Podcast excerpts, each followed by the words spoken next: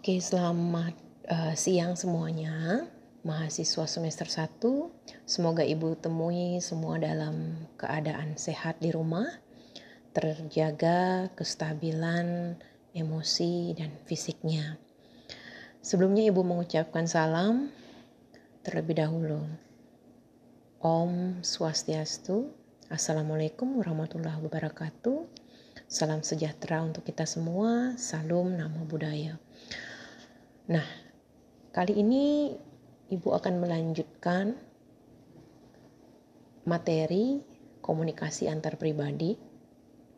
Kemarin kita sudah belajar yang namanya uh, pengertian komunikasi, kemudian kita belajar proses juga, proses komunikasi seperti apa. Kali ini Ibu akan menambahkan kembali tentang materi komunikasi antar pribadi, di mana materi ini uh, tentang terjadinya KAP itu seperti apa.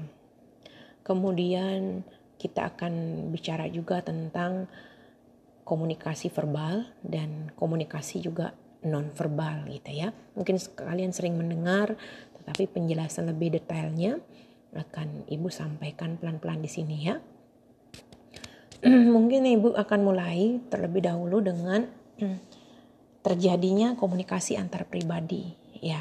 Apa sih uh, yang mendasari uh, terutama terjadinya KAP ini ya? Dari bukunya Lily Wery dan beberapa referensi yang sudah ibu uh, rangkum ya. Terjadinya KAP ini dikarenakan pertama itu adanya kesadaran ya conscientious gitu ya. Jadi adanya kesadaran bahwa kita tuh sebagai makhluk sosial. Ya, yang namanya makhluk sosial selalu memerlukan orang lain. Pada saat kita memerlukan orang lain, ada media yang kita gunakan, yaitu bahasa.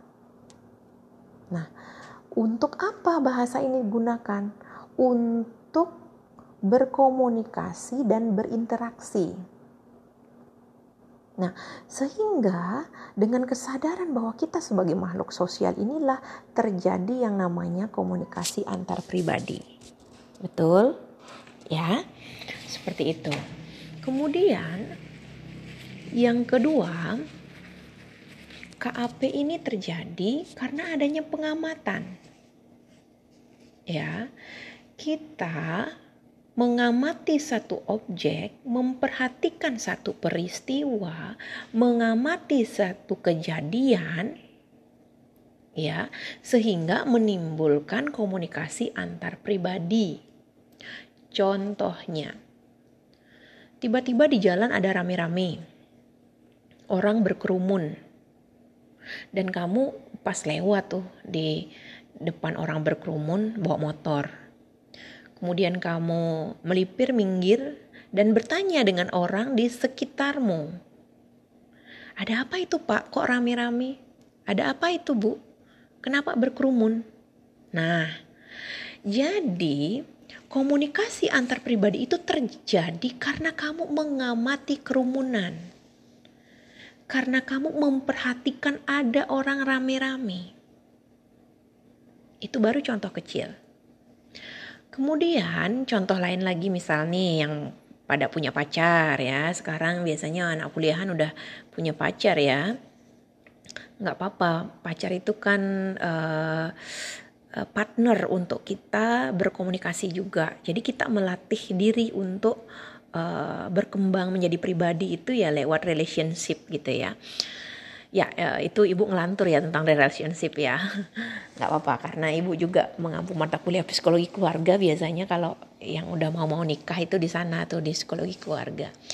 Nah contohnya eh, KAP terjadi karena pengamatan contoh. Misal nih kalian lagi jalan berdua dengan TTM atau dengan pacar lah ya gitu ya.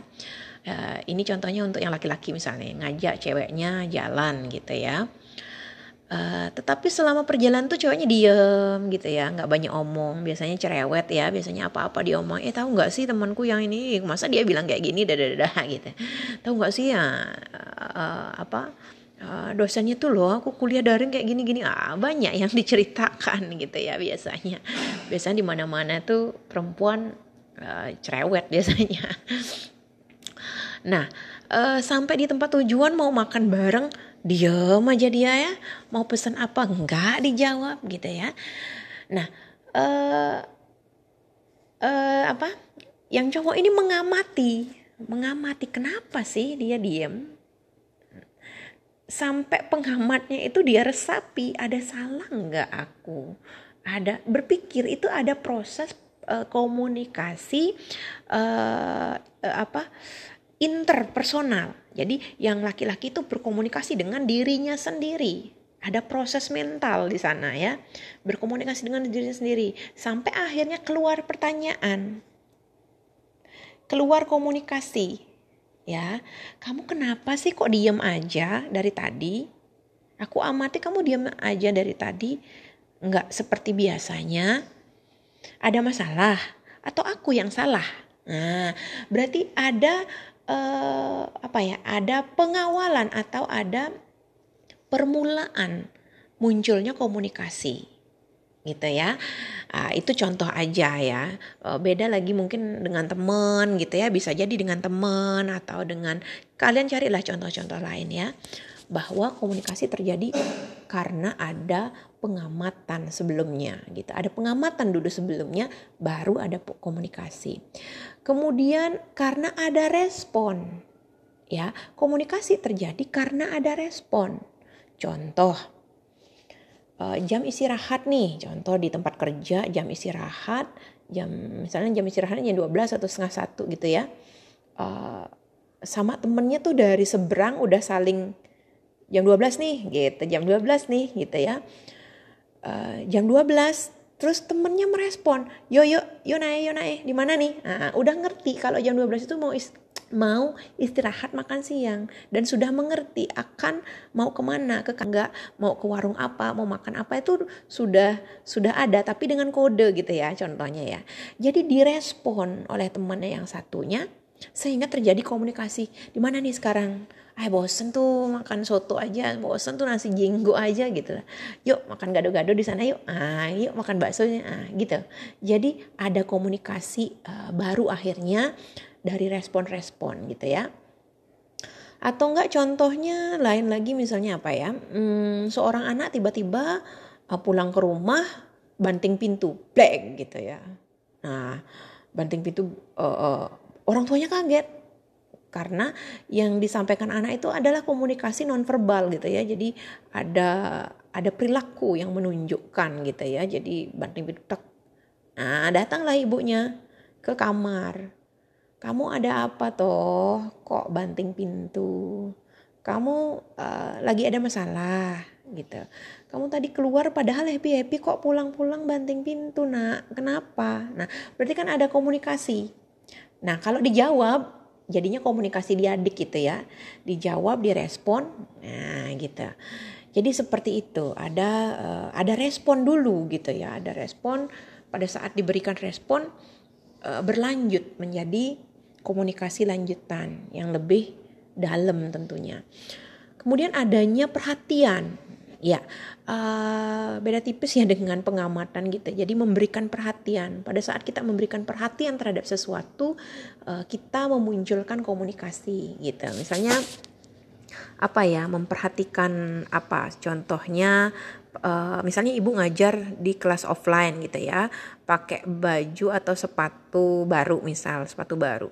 Kamu ada perhatian di sepatu itu kok tumben sepatunya beda gitu ya Nah, sehingga setelah itu bertanya, "Ibu sepatu baru ya, Bu? Pasti merek ini ya?" Nah, jadi eh, eh, perhatian itu akhirnya menimbulkan terjadinya komunikasi. Begitu juga dengan contoh-contoh yang lain. Eh, coba kalian bikin contoh yang lain tentang komunikasi antar pribadi terjadinya itu karena apa gitu ya. Perhatian tuh kayak gini gitu ya. Kemudian eh, terjadinya komunikasi antar pribadi itu karena juga kita memahami Nah, pemahaman di sini maksudnya adalah uh, tergantung materi yang uh, disampaikan misalnya. Uh, kemudian keunikan pribadi masing-masing gitu ya. Jadi saling memahami komunikasi di awal gitu ya itu tergantung dari materi yang disampaikan gitu ya keunikan dari diri kita sendiri juga. Ya secara pribadi apakah kita enak diajak ngobrol gitu ya atau terbuka friendly gitu dan apa yang kita obrolin gitu ya. Jadi uh, pada saat uh, memahami satu sama lain komunikasi itu akan berlanjut menjadi komunikasi pribadi yang lebih berkelanjutan karena obrolannya nyambung materinya gitu ya uh, dan pribadinya juga ada chemistry gitu. Jadi sama-sama suka ngobrol lah gitu ya. Atau sama-sama kesepian gitu ya. Jadi kalau sama-sama kesepian cocok lah nyambung jadinya ngobrol kan. Atau sama-sama diputus pacar ya di sana lagi loneliness di sini juga loneliness gitu. Jadi uh, akhirnya kesepian itu terobati dengan komunikasi gitu ya. Bahkan komunikasi sekarang itu nggak harus yang verbal gini ngomong ya. Di chatting aja tuh sudah bisa berkomunikasi macam-macam di sana ya Nah, kira-kira seperti itu ya komunikasi uh, terjadinya komunikasi antar pribadi itu karena apa gitu ya. Oke, sekarang sampai sana mudah-mudahan bisa uh, dimengerti. Nah, kalau bisa anak-anak mungkin download aja uh, ini ya uh, aplikasi Anchor ini ya podcast Anchor karena kalau kalau didengarkan dengan uh, aplikasi lain itu episodenya tuh kan nyambung tuh satu gitu ya. Nah, sehingga ibu harus bikin per episode jadinya. Nah, kalau bisa dibikin per segmen, jadi satu episode misalnya ibu judulnya KAP gitu aja. Jadi nanti di tengah itu ada KAP 1, KAP 2, KAP 3 gitu. Harusnya seperti itu ya. Tetapi kalau dibuka di aplikasi lain, dia itu munculnya kalau episodenya di antara segmen semua dijumlahin misalnya satu episode uh, panjangnya tiga jam gitu ya kamu mem harus mulai dari awal nggak bisa tengah-tengah kalau dari aplikasi lain. Beda halnya kalau kamu punya ancor kamu bisa lihat per segmen nanti gitu ya. Oh di segmen eh, di di KAP isinya ada segmen satu KAP satu segmen dua ada jawaban jawaban pertanyaan segmen tiga gitu. Uh, pertemuan kedua misalnya gitu Nah, hanya saja sementara ibu bikin per episode ini ya. Jadi eh, satu episode itu bisa kalian dengarkan dari awal sampai akhir itu aja. Kalau nggak per episode nanti kamu mendengarkan KAP yang satu itu KAP kemarin itu kamu dengerin lagi jadinya gitu. Gitu sih kesulitannya. Ya itu kembalikan lagi ke kalian sih. Maksudnya yang enaknya gimana gitu ya. Uh, biar sama-sama jalan semuanya.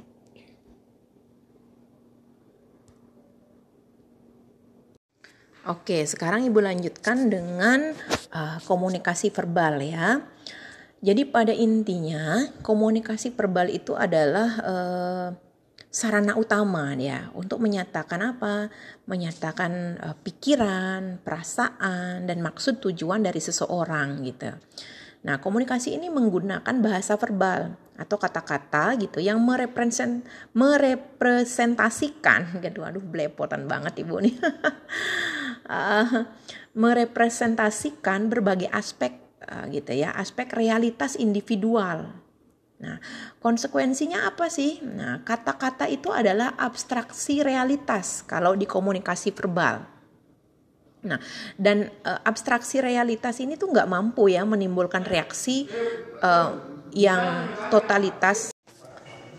Oke, uh, sampai mana tadi ya? Maaf ada sedikit uh, ini ibu tadi ya. Jadi konsekuensi konsekuensinya kata-kata itu adalah abstraksi realitas yang nggak mampu dia menimbulkan reaksi gitu ya ke totalitas objeknya Misalnya kayak ngomongin rumah, meja, kursi, mahasiswa gitu ya. Uh, contohnya gini deh, contohnya saat uh, ada yang bertanya, uh, uh, ada anak nih seorang mahasiswa misalnya ya, uh, jurusan apa gitu, ditanya. Oh saya jurusan BK, kuliahnya di mana? di Denpasar. Di Denpasar di mana uh, perguruan tinggi apa di sana gitu kan? Oh, saya kuliah di Universitas Oke, Ibu lanjut ya. Aduh, uh, sorry dulu. Uh, Ibu ulangi uh, contohnya yang Ibu katakan abstraksi realitas itu ya. Jadi dia nggak bisa menimbulkan totalitas di objek gitu. Uh, yang terjadi di komunikasi verbal. Uh, contohnya uh, anak saya seorang mahasiswa gitu ya. Anak saya seorang mahasiswa. Terus tanya jurusan apa?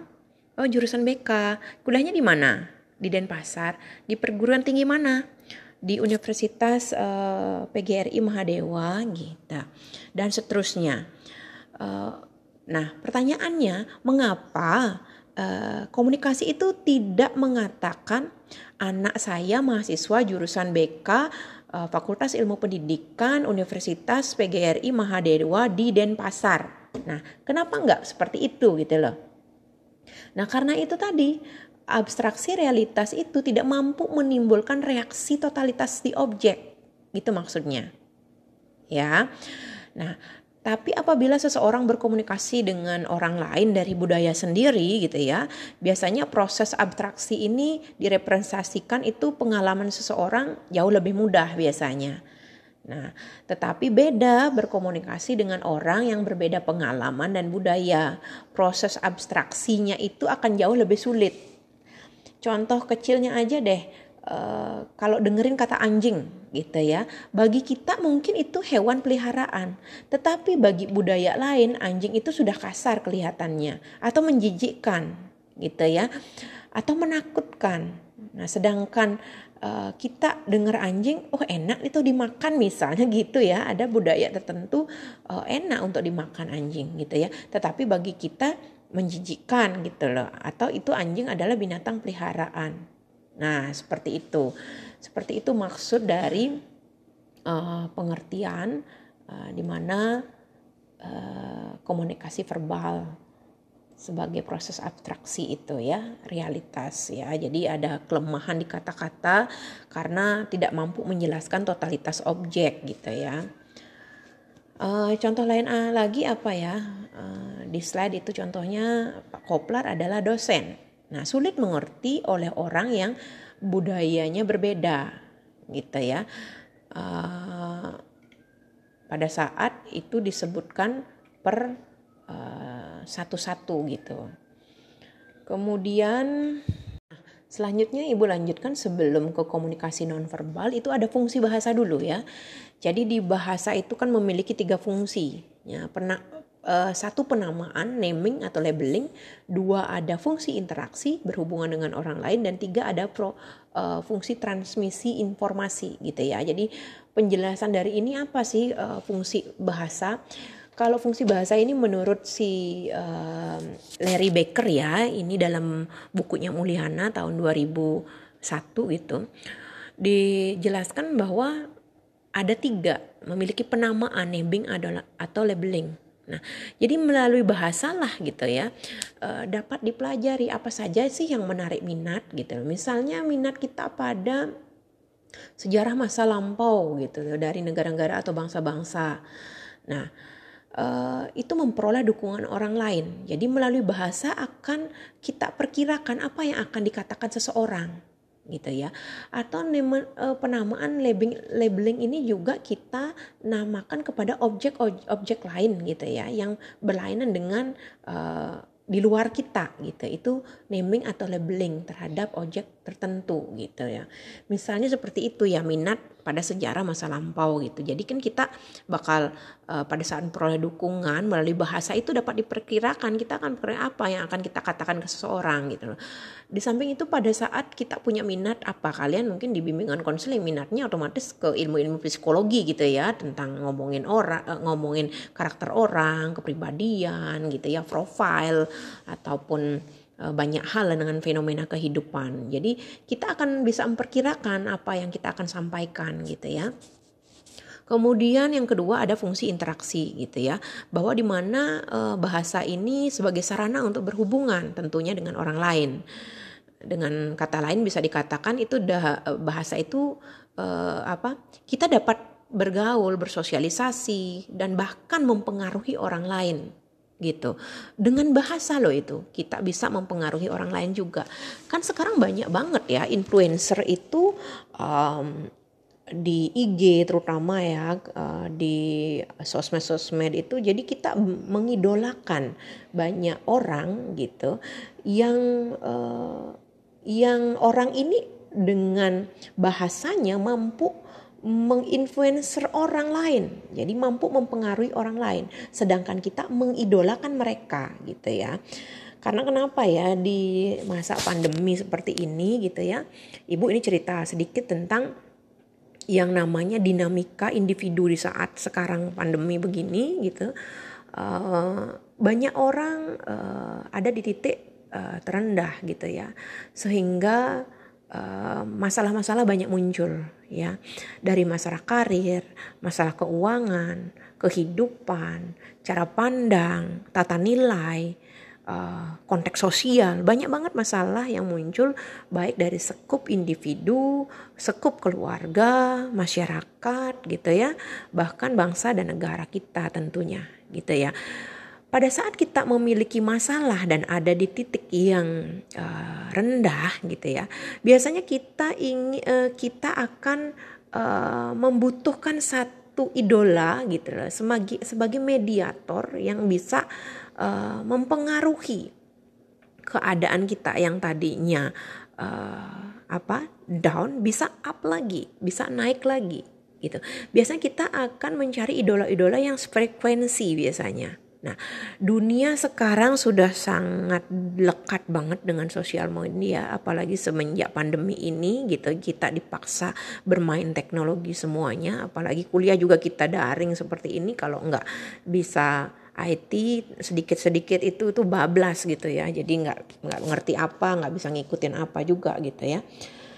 Uh, orang akan mudah bisa mempengaruhi orang lain mungkin dari eh, kata-kata uh, kalimat-kalimat uh, motivasi mungkin ya atau dari cerita-cerita yang menginspirasi gitu. Itu biasanya disebut dengan storytelling gitu ya. Nah, kemampuan orang untuk untuk bisa mempengaruhi orang lain lewat bahasa baik itu verbal dan non verbal gitu. Itu akan menimbulkan interaksi. Otomatis kita akan uh, memberikan umpan balik gitu ya uh, terhadap apa kalimat atau kata yang sudah mampu mempengaruhi kita secara psikis misalnya secara psikologis gitu. Itu akan menimbulkan reaksi. Untuk kita berhubungan juga baik dengan orang lain atau bahkan dengan influencernya itu sendiri gitu. Jadi kita kayak uh, penasaran gitu kan ih siapa sih idola ini nih? Kata-kata yang dia bikin tuh bagus-bagus loh. Atau bikin dia sering bikin korsel gitu ya korsel kayak PPT yang berapa slide 10 slide tentang tips and trick hidup uh, damai gitu atau tips and trick untuk menjaga kestabilan atau apa gitu ya kita jadi kepo, kita jadi penasaran untuk melihat idola kita gitu. Apalagi bisa menjalin setelah itu komunikasi gitu. Jadi itu itu sih contoh yang sangat uh, umum gitu ya. Kalian bisa cari dah contoh lain gitu ya intinya bahwa fungsi bahasa itu jelas sebagai interaksi. Kalau kita nggak pakai bahasa terus pakai apa dong ngomong gitu? Pakai apa dong gitu kan? Eh, nggak mungkin kan kita pakai uh, apa simbol-simbol aja terus angguk-anggukan kepala gitu ya nggak ngomong pakai kode-kode nggak mungkin. Itu pasti akan keluar yang namanya komunikasi gitu. Dan itu yang akan me, apa menjadi media kita bergaul dengan orang lain dan bahkan mempengaruhi gitu. Ibu harap sih suatu saat nih ada anak-anak di sini yang mampu menjadi influencer bagi orang lain dan itu bermanfaat gitu. Itu yang baik baik ya, yang bagus gitu. Oke, okay, uh, eh, selanjutnya fungsi bahasa yang ketiga itu transmisi informasi. Nah, jadi sebagai transmisi informasi otomatis bahasa itu memungkinkan seseorang ya. Ya dia jadi akan hidup lebih teratur saling memahami gitu ya. Uh, mempercayai satu sama lain karena manusia tidak mungkin kan mengatur itu secara random secara acak gitu ya. Dan itu mesti berdasarkan pada aturan tertentu yang telah disepakati bersama. Nah makanya kenapa bahasa sebagai uh, transmisi informasi-informasi banyak hal gitu ya. Ya contohnya uh, ibu deh memberikan kontrak kuliah, memberikan silabus, memberikan RPS, tata cara kuliah online seperti ini, itu uh, yang akan memungkinkan hidup kalian dalam perkuliahan daring ini tuh berjalan teratur, sehingga kita akan saling memahami, saling mempercayai gitu ya. Eh, satu sama lain bahwa kalian mendapatkan sesuatu dari materi dan ibu juga mendapatkan feedback yang baik gitu ya. Karena nggak mungkin kan ibu uh, random random gitu ya maksudnya uh, mengatur secara acak gitu dalam arti sekarang ini sekarang itu kan bingung. Jadi kan harus bikin aturan gitu. Nah aturan-aturan ini dah ada transmisi informasi yang masuk keluar masuk transmisi keluar masuk seperti itu gitu ya sehingga kehidupan kan kehidupan perkuliahan kita gitu itu kan contohnya ya kehidupan perkuliahan kita menjadi teratur semua juga suka kan yang teratur teratur gitu ya Nah, yang suka berantakan berantakan siapa? Yo, gitu sekarang pertanyaannya. Berarti nggak suka diatur gitu maksudnya. Ya, itu contohnya fungsi bahasa. Ada tiga tadi ya, uh, penamaan, uh, labeling, kemudian ada interaksi, fungsi bahasa sebagai interaksi dan transmisi informasi. Oke. Sampai di sini mudah-mudahan paham. Tinggal sedikit materi yang akan Ibu sampaikan tentang komunikasi nonverbal. Oke, sekarang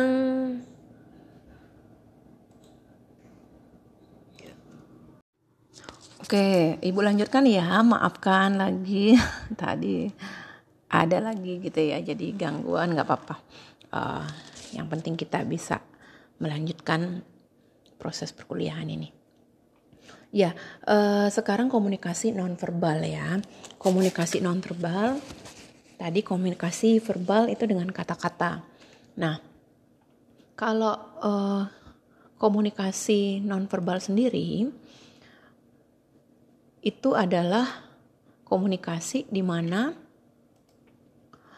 penting sih sebenarnya untuk uh, mengetahui suasana emosional seseorang gitu ya. Kalau komunikasi non verbal itu uh, kita jadi bisa tahu uh, apa suasana emosi seseorang lewat komunikasi non verbal gitu ya. Nah, sebagai makhluk sosial ya, kan kita tidak hanya mempersepsi manusia itu dari bahasa verbalnya saja gitu ya bagaimana bahasanya halus, kasar, intelektual gitu ya, intelektual apa enggak, bahasa asing dan sebagainya. Nah, namun juga uh, kita melalui komunikasi nonverbalnya gitu ya. Pentingnya komunikasi nonverbal gitu ya kalau menurut bukunya Jamaluddin Malik gitu ya. Itu seseorang dapat mengetahui suasana emosional seseorang dari komunikasi nonverbal karena komunikasi nonverbal itu komunikasi dengan menggunakan bahasa isyarat dan bahasa tubuh. Ya, jadi dari bahasa isyarat, bahasa tubuh itu namanya komunikasi nonverbal. Nah, dilihat dari fungsi gitu ya, perilaku nonverbal itu mempunyai beberapa fungsi. Ya, jadi Paul Ekman gitu menyebutkan lima fungsi uh, seperti dilukiskan dalam perilaku ini. Ya, yang pertama, fungsi fungsi yang pertama adalah sebentar Ibu. Nah, fungsi bahasa nonverbal yang pertama itu sebagai emblem ya. Emblem itu gerakan mata tertentu. Ya, merupakan simbol yang memiliki kesetaraan dengan simbol verbal. Misalnya kedipan mata yang menyatakan saya bersungguh-sungguh gitu ya. Jadi kedipan mata ting gitu ya. uh, dengan isyarat misalnya. Yuk yuk yuk yuk gitu cinta. Misalnya ya yuk yuk yuk yuk. Yang satu ngedipin mata ting ke, ke kanan artinya oke okay, gitu misalnya. Ya jadi itu emblem gerakan mata tertentu. Ya simbol yang memiliki kesetaraan dengan simbol verbal. Itu sama artinya dengan yuk oke okay, gitu. Sama dengan jawab oke okay, gitu. Contohnya itu ya Kemudian uh, sebagai fungsi ilustrator, jadi pandangan ke bawah gitu ya dapat menunjukkan depresi atau kesedihan. Jadi mengilustrasikan. Jadi bahasa nonverbal gitu, bahasa nonverbal itu dapat mengilustrasikan sesuatu, keadaan. Contohnya kita saat uh, pandangan mata kita ke bawah aja terus ya dengan ditunjukkan dengan uh, perilaku yang mungkin diem, nggak banyak ngomong gitu. Jadi diilustrasikan itu menunjukkan depresi atau kesedihan. Jadi hati-hati ya yang suka lihat ke bawah gitu. Padahal kita lihat ke bawah ada uang jatuh gitu ya. Nah, uh, itu itu sebagai fungsi-fungsi seperti itu. Ini yang dikatakan Paul Ekman ya. Jadi pada kenyataannya kamulah yang mencari contoh lain di dalam uh, keseharian kita seperti apa gitu ya. Kemudian yang ketiga sebagai regulator ya. Jadi kontak mata berarti uh, saluran percakapan itu terbuka, memalingkan muka gitu ya, menandakan ketidaksediaan kita untuk berkomunikasi. Nah, ini sebagai regulasi. Jadi regulasi regulator gitu. Jadi sebagai tanda juga bahwa kontak mata. Pada saat kita ngomong nggak ada kontak mata gitu ya kita bicara berdua misalnya komunikasi diadik atau komunikasi uh, dalam pembelajaran offline misalnya ibu bicara di depan kalian duduk tapi tidak ada kontak matanya. Ibu hanya kontak sama papan tulis contohnya atau kontak sama slide misalnya gitu ya. Uh, jadi tidak adanya kesiapan pada saat tidak adanya kesediaan juga untuk menjalin komunikasi seperti itu komunikasi lanjutan Sedangkan pada saat ada kontak mata itu kan ada percakapan yang terbuka ya. Nah, jadi sekalian nanti sebagai calon konselor itu uh, sebagai calon konselor itu nanti akan memiliki teknik teknik-teknik dalam wawancara konseling ya untuk klien. Nanti kan akan menghadapi banyak klien gitu ya.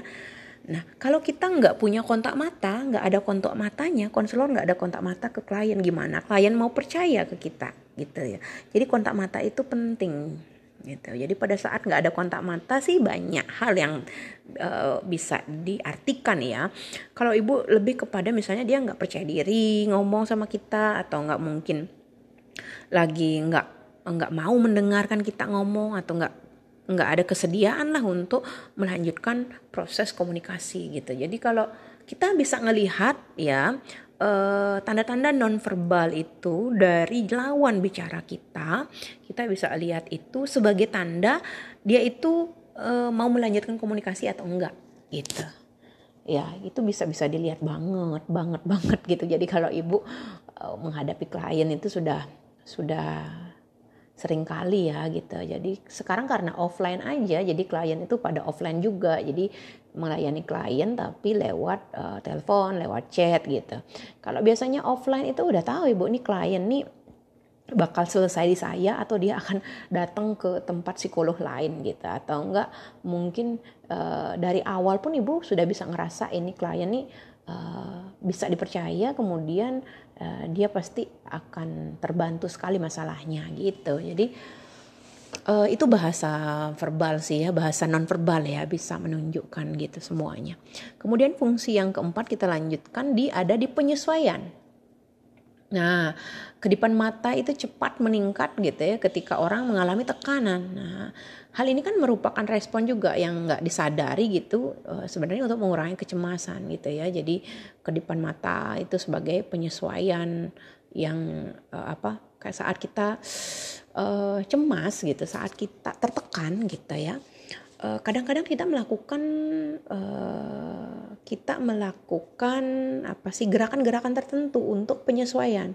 Contohnya saat presentasi deh ke depan kelas gitu yang nggak biasa ngomong di depan umum gitu ya itu akan memiliki gerakan-gerakan pola tertentu untuk Nah, untuk melawan kecemasannya dia, melawan ketakutannya, melawan kegelisahannya untuk presentasi gitu.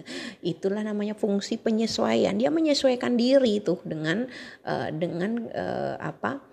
Uh, ketidakpedeannya untuk presentasi gitu atau ketakutannya presentasi gitu kan ada tuh yang fobia presentasi juga ada ya nanti kelas ibu nggak bisa kayak gitu loh ya semua rata-rata di kelas ini akan bisa bicara pokoknya gitu jadi nggak yang itu-itu aja gitu yang ngomong gitu enggak. Jadi latihlah mulai sekarang mungkin dengan diskusi, bertanya gitu. Makanya kenapa Ibu juga uh, tawarkan uh, coba deh download uh, download podcast karena di uh, podcast Ancor ini karena di Ancor itu ada balasan rekam suara gitu. Jadi kamu bisa membalas uh, apa yang ibu sampaikan itu dengan merekam suara kamu juga gitu. Jadi saling balas-balasan gitu tapi dalam satu rentang episode gitu. Ya, dan itu kita bisa share kan, bisa sebagai uh, modalitas kita di sosial media gitu tentunya gitu ya untuk sekaligus memperkenalkan BK juga gitu ya. Bimbingan konseling itu apa sih yang kita pelajari juga kan banyak mungkin teman-temanmu yang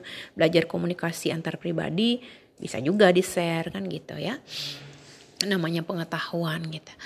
Kemudian uh, affect display itu yang fungsi selanjutnya.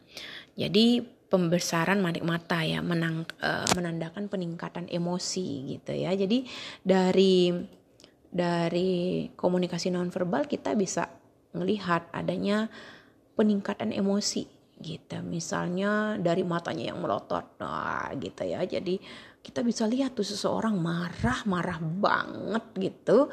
Itu dari misalnya matanya yang sangat besar pupil matanya manik matanya tuh sangat besar pupilnya kemudian melotot. Wih itu kayaknya ibunya lagi marah dah. Gitu.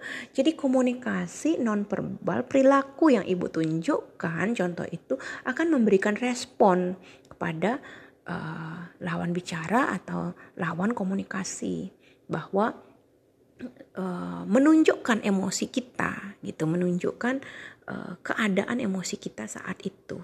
Seperti itu ya. Oke uh, kira-kira seperti itu materi kita hari ini ya. Jadi banyak banget udah yang udah kita omongin. KAP terjadinya karena apa? Komunikasi komunikasi verbal komunikasi non verbal gitu ya. Nah sekarang uh, itu aja deh dulu dengerin dulu. Nanti didengerin kemudian nanti akan ada diskusi gitu ya. Uh, mudah-mudahan kelas ini tetap bersemangat belajarnya. Sekian dan terima kasih. Selamat siang semuanya. Salam. Uh, Ibu lanjutkan lagi, mohon maaf ya tadi uh, banyak telepon masuk gitu, jadi karena Ibu juga uh, volunteer di yayasan gitu. Jadi sekarang yayasan lagi butuh uh, support bantuan gitu sembako. Jadi banyak banyak donatur tadi yang telepon uh, ibu gitu ya. Dan ketua yayasannya juga kemarin